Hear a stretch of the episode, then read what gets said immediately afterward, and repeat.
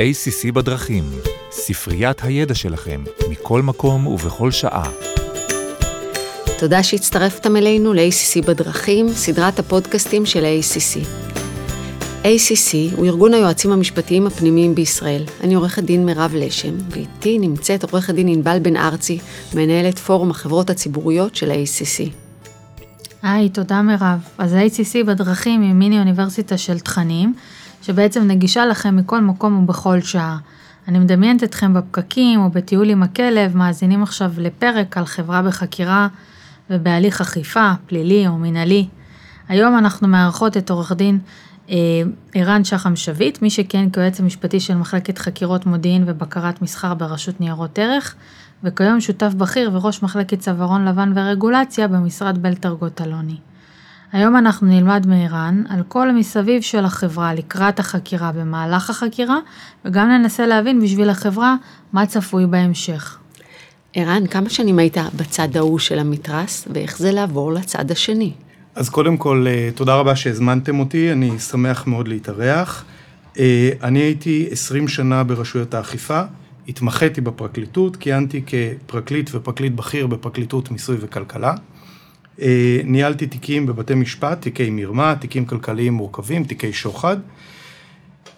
הגשתי כתבי אישום וישבתי בשימועים, ואני יודע מה הציק לי כשהייתי פרקליט, איך חושב פרקליט, מה הטריד אותו כפרקליט, איזה אינטרס ציבורי הפרקליט בוחן, ואני יודע איך ניתן גם להזיז פרקליט, איזה כלים, איזה שיקולים, איזה וקטורים ואיזה טקטיקה מצליחה להזיז פרקליט.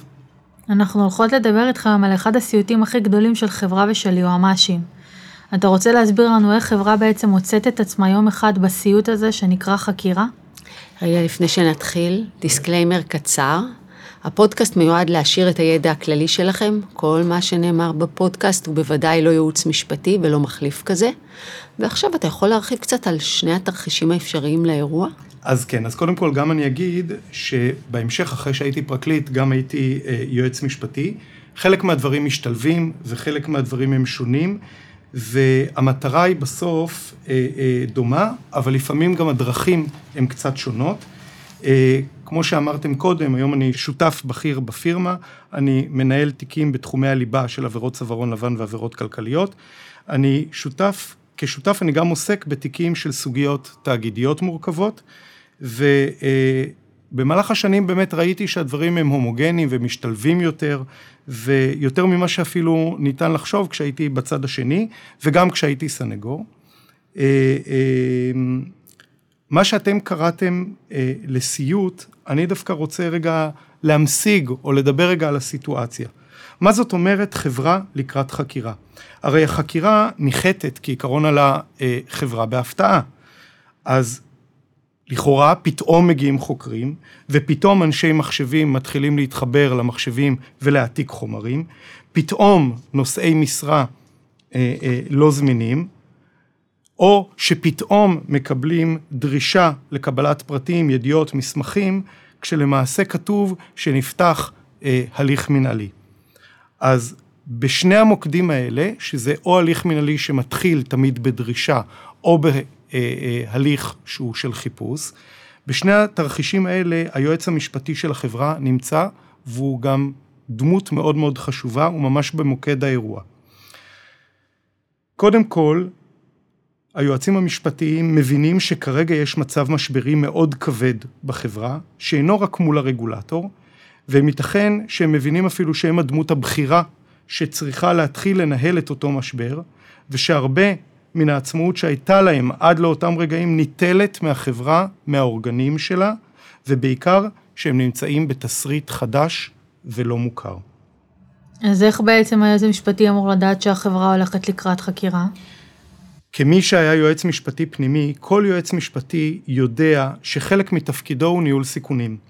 בזמן אמת, במהלך העסקים הרגיל של החברה, הוא יודע מתי חברה מתנהלת מול רגולטור, ומתי עוצמת החיכוך מתחילה להיות חריגה ביחס להיסטוריה של אותה חברה מול אותו רגולטור, או מול רגולטור חדש.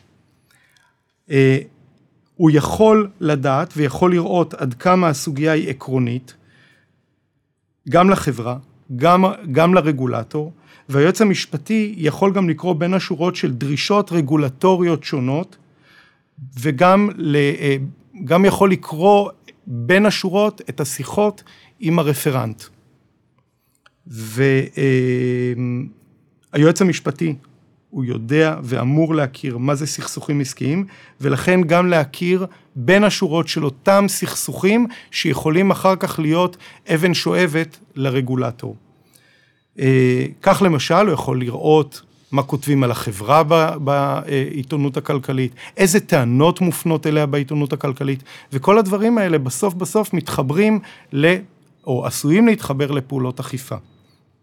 המשמעות היא שיש נורות מהבהבות במהלך הדרך, רק צריך לשים אליהם לב. אתה אומר פה משהו שעל פניו הוא הכבדה מאוד מאוד גדולה ליועץ המשפטי. אתה בעצם אומר לו, אתה נקרא שומר סף, אתה כמו מציל בסוכה שמסתכל על הים ומחפש שינויים בזרימה הטבעית. אם אתה רואה משהו כזה, נהיית מערבולת, אתה רואה משהו, תציב דגל אדום. לקרוא מכל מיני זרמים תת-קרקעיים וכתבות ו... עוד רגע נגיע למה אפשר וצריך לעשות. אבל קודם נראה איך הדגלים האלה, הדגלים האדומים, יקפצו בפני החברה. לי קשה עם זה שאנחנו מצפים מהיועמ"ש בעצם להרים דגל ומטילים עליו את כל האחריות. אין, אין, אין גורם נוסף שאפשר להסתייע בו? הרבה פעמים בעבודה השוטפת אתה לא מזהה, אין איזה עצה פרקטית שאתה יכול לתת ליועמ"שים בהקשר הזה? אז קודם כל, עצה שאני יכול לתת מניסיון, ישנן חברות ודירקטוריונים שאני מלווה אותם באופן שוטף. העצה היא לייצר אפיק קבוע להיוועצות קבועה, כי דברים שרואים מכאן לא בהכרח רואים משם, כשאתה יועץ משפטי עמוס מאוד בשוטף. גם העצימות שונה. לפעמים אה, אה, אה, חשוב להסתכל על זה בתור אה, תור לבדיקה שגרתית אצל רופא שיניים ושיננית, הכל כדי אה, אה, להימנע מטיפול שורש. באנלוגיה הזאת, חקירה היא טיפול שורש בשילוב עקירה כירורגית. הליווי הוא מומחיות, והליווי הוא לא סתם ליווי, אלא הוא ליווי בפריזמה אכיפתית. זה זמן אפקטיבי מאין כמותו לשנות את הנתיב ואת פני הדברים. ברטרוספקטיביות, מבט יהודי כזה הוא חשוב וכדאי, הוא חוסך הרבה כאבי ראש ותשומות מיותרות לעתיד לבוא מהחברה. אנחנו בפודקאסט אה, שהמטרה שלו להיות קצר קולע עם כלים פרקטיים, אז אני מחדדת את העצה ושמה עליה דגש, כי בעיניי מדובר פה בעצה מצוינת. אתה אומר קודם כל, יועמ"ש יקר, תהיה קשוב לדברים, תסתכל עכשיו, אחרי שאנחנו תקשיב לפודקאסט הזה, אתה תתחיל לזהות זרמים תת-קרקעיים, זה יהיה לך במודעות. דבר נוסף, בגלל שבחיים השוטפים כולנו לוקים בעיוורון הרבה פעמים. תקל על עצמך, תביא פעם ברבעון את היועץ החיצוני. העצה הזאת משתלבת מצוין עם התפקיד של אה, קצין ציוד ועם תוכניות אכיפה שקיימות בחברות ציבוריות. פעם ברבעון בעצם להתכנס ולבחון אה, ולהביא עוד עין חיצונית שמסתכלת על הדברים. אז קודם כל ברשותכן, אני אגיד שאני לא בהכרח חושב שצריכים אה, אה, לעשות מזה נוהל מסודר של פעם ברבעון, ולא בהכרח צריכים אה, אה, לקחת אנשים חיצוניים. אני ממליץ לגבי עבודה שוטפת, וכל מקרה לגופו, גם העצימות משתנה והיא תלוית פעילות של החברה, והכל תלוי צורך. אה, בדיעבד, מהניסיון שלי, אני גם יכול להגיד שחברות מתרגלות אה, אה, לטוב, כי זה מאוד נחמד שיש מישהו שרגע מסתכל ברטרוספקטיב ממבט על, על כל מיני דברים, ובעיקר מונע חשיפות. אה, אני חושב על עוד עצה מאוד פרקטית, אבל לפני זה אני רגע רוצה לצאת ולסקור ממבט על את התהליכים השונים שיועץ משפטי אמור להכיר. אז קודם כל, נדבר רגע על בדיקה רגולטורית. הרגולטור, וזה לא משנה באמת אם מדובר ברשות ניירות ערך, רשות התחרות, רשות שוק ההון או רשות המיסים. הרגולטור הוא מי שמפקח על החברה. לפעמים, אגב פעולות פיקוח שגרתיות, יש לו שאלה או בקשת הבהרה. זו כבר נורת אזהרה שאמורה להידלק. למה? באיזה עניין? מה החשיפה שיכולה להיות באותן שאלות? התשובות שניתנות לרגולטור הן מתועדות. חומרים שמועברים הם עשויים להיות חומרי גלם לחלק מהליכי אכיפה עתידיים. אי אפשר להקל ראש בתשובות ובחומרים שמועברים. מניסיון שלי, המעורבות שהיא נכונה וחכמה ויכולה להיות גם שקטה בשלב הזה, היא אה, יכולה למנוע מהטיל ששוגר להגיע למטרה. הטיל הזה בהחלט יכול להיות בתשובות חכמות ליפול לים. חקירה סמויה, כשמה כן היא. היא שלב עוקב לבדיקה הרגולטורית. או שמתחיל ללא קשר לבדיקה הרגולטורית, בעקבות מידע מודיעיני. השלב שהחברה בדרך כלל לא ערה בכלל לקיומו, כאמור חקירה סמויה, אם נראה כי חשדות אה, כלפי חברה, חשד פלילי או, חי... או, או חשד להפרה מנהלית, מתקיים. מדובר בהליך ממושך ושקט, כיוון שהחברה לא ערה לקיומו, תקופת זמן לא מנוצלת נכונה. אפשר לייצר ניצול יעיל ובריא לקראת הבאות. החקירה הגלויה זה החקירה שדיברנו עליה בתחילת האירוע, זה אותו פרוץ, זה הכינוי המקצועי בו חקירה סמויה הופכת לחקירה גלויה. לרוב חיפושים בחברה או במוקדים נוספים, למשל בתי מעורבים. בהליך המינהלי מדובר בדרישת מסמכים חמה או דרישה למשל לזמן לחק... לבירורים מנהליים את המפרים. שוב, הסמכויות דומות בין כל הרשויות. אני רק אדגיש שללהב 433 של המשטרה אין כמובן את הסמכות המינהלית אה, אה, לדרוש חומרים. מדובר בהליכים ממושכים. זה הרשות. מה? לרשות. לרשות יש, לרשויות. לרשויות. לרשויות, לכל הרשויות יש סמכויות כאלה, אכן כן. המשטרה היא חריגה בעניין הזה, היא חוקרת רק פלילי כמובן. אז שאתה, קודם כל, כשאתה רואה את המשטרה, אז יוסטון, you've got a problem. אבל גם כשאתה, אני חושב, גם כשאתה רואה את נציגי הרשות דופקים לך בדלת, ולא משנה איזה רשות, זה כבר אומר שיוסטון הוא have a problem, ואפשר היה, בהליכים חכמים והתנהלות חכמה, למזער את הסיכון ולצמצם אותו, כן. בעצם, אם הגדרת שלוש תקופות, אז uh, הייתי אומרת שאם רגולטור מגיע לחברה, זה מרים דגל, זה צריך להרים דגל, ואחר כך יש לנו תקופה שקטה, סמויה, שאין מה לעשות, אנחנו לא יודעים עליה, ואז יש את הפרוץ. האם היית מציע בכל פנייה של רגולטור שהתשובה תעבור דרך היועץ המשפטי? גם כיועץ משפטי לשעבר, אני חושב שכן. כמובן, אם מדובר בדיאלוג מתמשך עם הרגולטור, החברה צריכה לדעת איך להכיל את האירוע וגם להמשיך בחיי השוטפים. הליכים כאלה יכולים לקחת הרבה מאוד זמן, ואם מדובר בהיקפים גדולים, יועץ משפטי יכול להפוך לצוואר בקבוק, שזה דבר שהוא לא נוח לעבודה השוטפת. אפשר לחשוב על פתרונות יצירתיים. אה, אה, אבל אני לא חושב שאפשר לתת באמת פתרונות נקודתיים, איך כל מחלקה משפטית בחברה יכולה אה, להתנהל באופן שוטף מול רגולטור. אבל כן אני אומר שמדובר בהתנהלות מול רגולטור, יש חשיפה, ולכן יועץ משפטי צריך להיות מעורב ברמה מסוימת בחשיפה הזאת. מה גם שאתה מאוד מאוד צודק, שאחר כך כל החומרים האלה מתועדים וזהו, זה כבר נכון, שם. נכון. כל חברה בעצם צריכה כחלק מתוכנית האכיפה שלה להסדיר גם את נושא הדיווח על האירועים וגם את הפניות של הרגולטורים. כשהנושא מוסדר ומוטמע, אז הסיכוי שמשהו יחמוק מהמסננת הוא בעצם קטן, ובדרך הזו חברה מנהלת את הסיכונים שלה ומקטינה חשיפה. מירב ואני באות מתחום שוק ההון ומכירות לעומק את התהליכים מול רשות ניירות ערך, אבל יש עוד רגולטורים, והשאלה אם זה גם ככה מתנהל מולם. השאלה שלך היא מאוד נכונה ואני רוצה לחדד שמדובר במגוון מאוד גדול של גופים שכולם הם תחת החסות מדינת ישראל, אבל הם מאוד שונים. האינטרסים של כל גוף הם שונים, יש נקודות איזון שונות בין הגופים וגם יש עניין אחר. יש מכנה משותף, אך יש כאמור שונות לאור האינטרסים השונים. מדרגה נוספת היא ההבנה שמה שעשוי להניע את רשות החקירה לא בהכרח מניע את הפרקליטות ולהפך.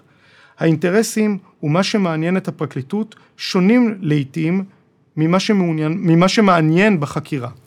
ההתמודדות של החברה עם כל גורם והשלב שבו היא נמצאת צריכים להשפיע וליצור תגובה ייחודית.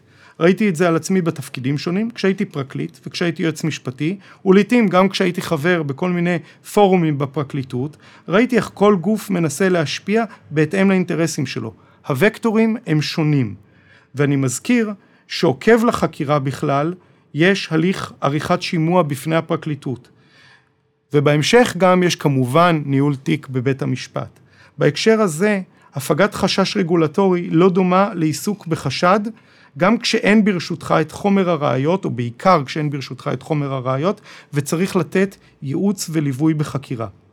אתה יכול להרחיב קצת בנקודה הזאת? כן. עריכת שימוע בפני הפרקליטות הוא הליך שמטרתו לשנות את עמדתו הראשונית של הפרקליט, לאחר שהוא עיין בחומרים הראשונים שבפניו, מהגשת כתב אישום. המטרה היא, הפרקליט אומר, מכתב שימוע נפתח באמירה של פרקליט שאומר, החלטתי להגיש כתב אישום בכפוף לעריכת שימוע. זו נקודת המוצא. בשימוע צריכים להפוך את אותה נקודת מוצא, או בעיקר לשנות את אה, אה, נפחו ואת אה, מהותו של כתב האישום. בשלב הזה כבר קיימת ליבת חומרים, לא את מלוא ההיקף, ומדובר בטיעון מאוד מאוד ייחודי. כמי שהיה בתפקידים בשרשרת הגופים האלה, למדתי להבין את זה. מדובר בהתמחויות אחרות ובאיזונים שונים שעושה כל גוף. במהלך הדרך ראיתי גם לא מעט טעויות בסיסיות. קל מאוד מאוד להמשיל את זה לתחום הרפואה. ישנם מגוון מאוד מאוד גדול של מומחים בתחום הבעיות של האורתופדיה, אבל טיפול בשורש כף יד לא דומה לטיפול בחוליות עמוד שדרה, וגם בתוך זה יש הבדל בין חוליות עליונות וחוליות תחתונות. בקיצור, דרושה התמחות בכל אה, צוואר בקבוק כזה. ולפעמים בחקירות אומר משהו חשוד, שבכלל לא מעניין את החוקר, אבל כשהפרקליט רואה את הדברים האלה, מבחינתו זה מוקש. ולכן גם חשוב לתת תשומת לב לדברים האלה, כי כל גוף מתייחס אחרת לדברים ובוחן אותם ברטרוספקטיבה אה, אה, שונה. בשעתו משרד עורכי דין מאוד גדול שכר את שירותיי עם ראשית חקירה אה, אה, של אה, רשות אכיפה, ואני אומר את זה בכוונה, זה דווקא לא הייתה רשות ניירות ערך, ממנה יצאתי. אה, ההיכרות דווקא העמוקה והמעמיקה עם אותה מטריה ייחודית ועם דרכי החקירה הביאה לתובנות שאפשרו לסיים את האירוע הזה בצורה מאוד מאוד מהירה ובצורה מאוד מאוד חלקה וקלה. מה שאפשר לאותה חברה להמשיך במהלך עסקיה הרגיל. ממש צריך ללמוד לקרוא בין השורות, זה מומחיות אחרת. אני מחזירה אותנו לשלב שבו נמצאים החוקרים במשרדי החברה ובו יש מעט מאוד מנהלים שמבינים שמה שהיה אתמול לא יהיה מחר, או לפחות דורשות, דורש התאמות לתופת החדשה. מה אתה מציע בשלב הזה לעשות? ותחשוב גם שיש לזה הרבה פעמים היבטים, אה, אולי, תלוי באיזה שלב, אבל יש היבט, אם זה כבר בפרוץ, אז יש לזה גם היבטי מוניטין, וצריך להתנהל עם כמה חזיתות. נכון מאוד, ובאמת מדובר בשלב מאוד קריטי.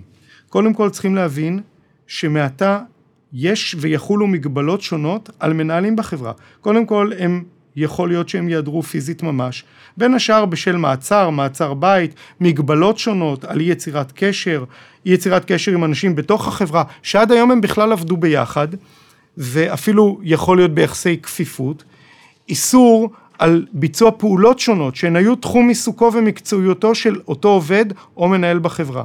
יכול להיות גם שיהיו מגבלות על העברות כספים או העברות כספים ספציפיות לגופים שונים, וכאן נדרשת באמת קבלת החלטות. צריך לדעת מה הרשויות כן יכולות להסכים לשם גיבוש פתרונות יצירתיים לסיטואציה מאוד מאוד ייחודית. פתאום גם חברה, כמו שאמרת, נמצאת באור הזרקורים, שזו זירה נוספת, אסור להתעלם ממנה. מצד שני, ידיה של החברה קשורות לאחור, כי קיים אותו חשש משיבוש הליכים. מה להגיד, אם בכלל? האם בכלל להסיר חיסיון? האם להנהלת החברה יש ניגוד עניינים מול החברה עצמה, מול אורגנים שונים בה? שאלות כבדות משקל שדורשות מענה אה, מקצועי ומאוד מאוד מאוד מהיר וממוקד. בפועל אפשר לבנות סט של תרחישים וניתן להכין את החברה לכל תרחיש. חברה יכולה להיות כמו קפיץ מתוח לאותו אירוע שהוא אירוע קיצון. אין סיבה שחברה תהיה בבלגן, אפשר ללמוד ולהיערך כמו שנערכים למשל לתרחישי סייבר, לתרחישי רעידת אדמה, וכשאין היערכות זה ניכר, זה ניכר גם למשקיעים. יש נטייה טבעית של חברות ושל אנשים לא לרצות להתמקד בהכנה, כי אנחנו כידוע בסדר, כי זה שטויות, כי זה שגרתי, לי זה לא יקרה, הרבה הרבה תשובות, וחבל שחברה נתפסת עם ידיים מאחורי הגב או ידיים בפינה, כשהיא יכולה להימנע מזה. זה נשמע עצה מאוד הגיונית, היא פשוט מאוד לא, לא טבעית לחברות. אבל אה, מצד שני, זה נכון שיש בזה לוגיקה הגיונית, כי חברות נערכות לאירועי התאוששות עסקית. הן נערכות גם לאירועי מעילה. אז זה בעצם מקרה פרטי, אפשר להגיד, של מעילה או של אירוע כזה של אובדן אמון בפנים. יש לך in-house, משהו בעייתי.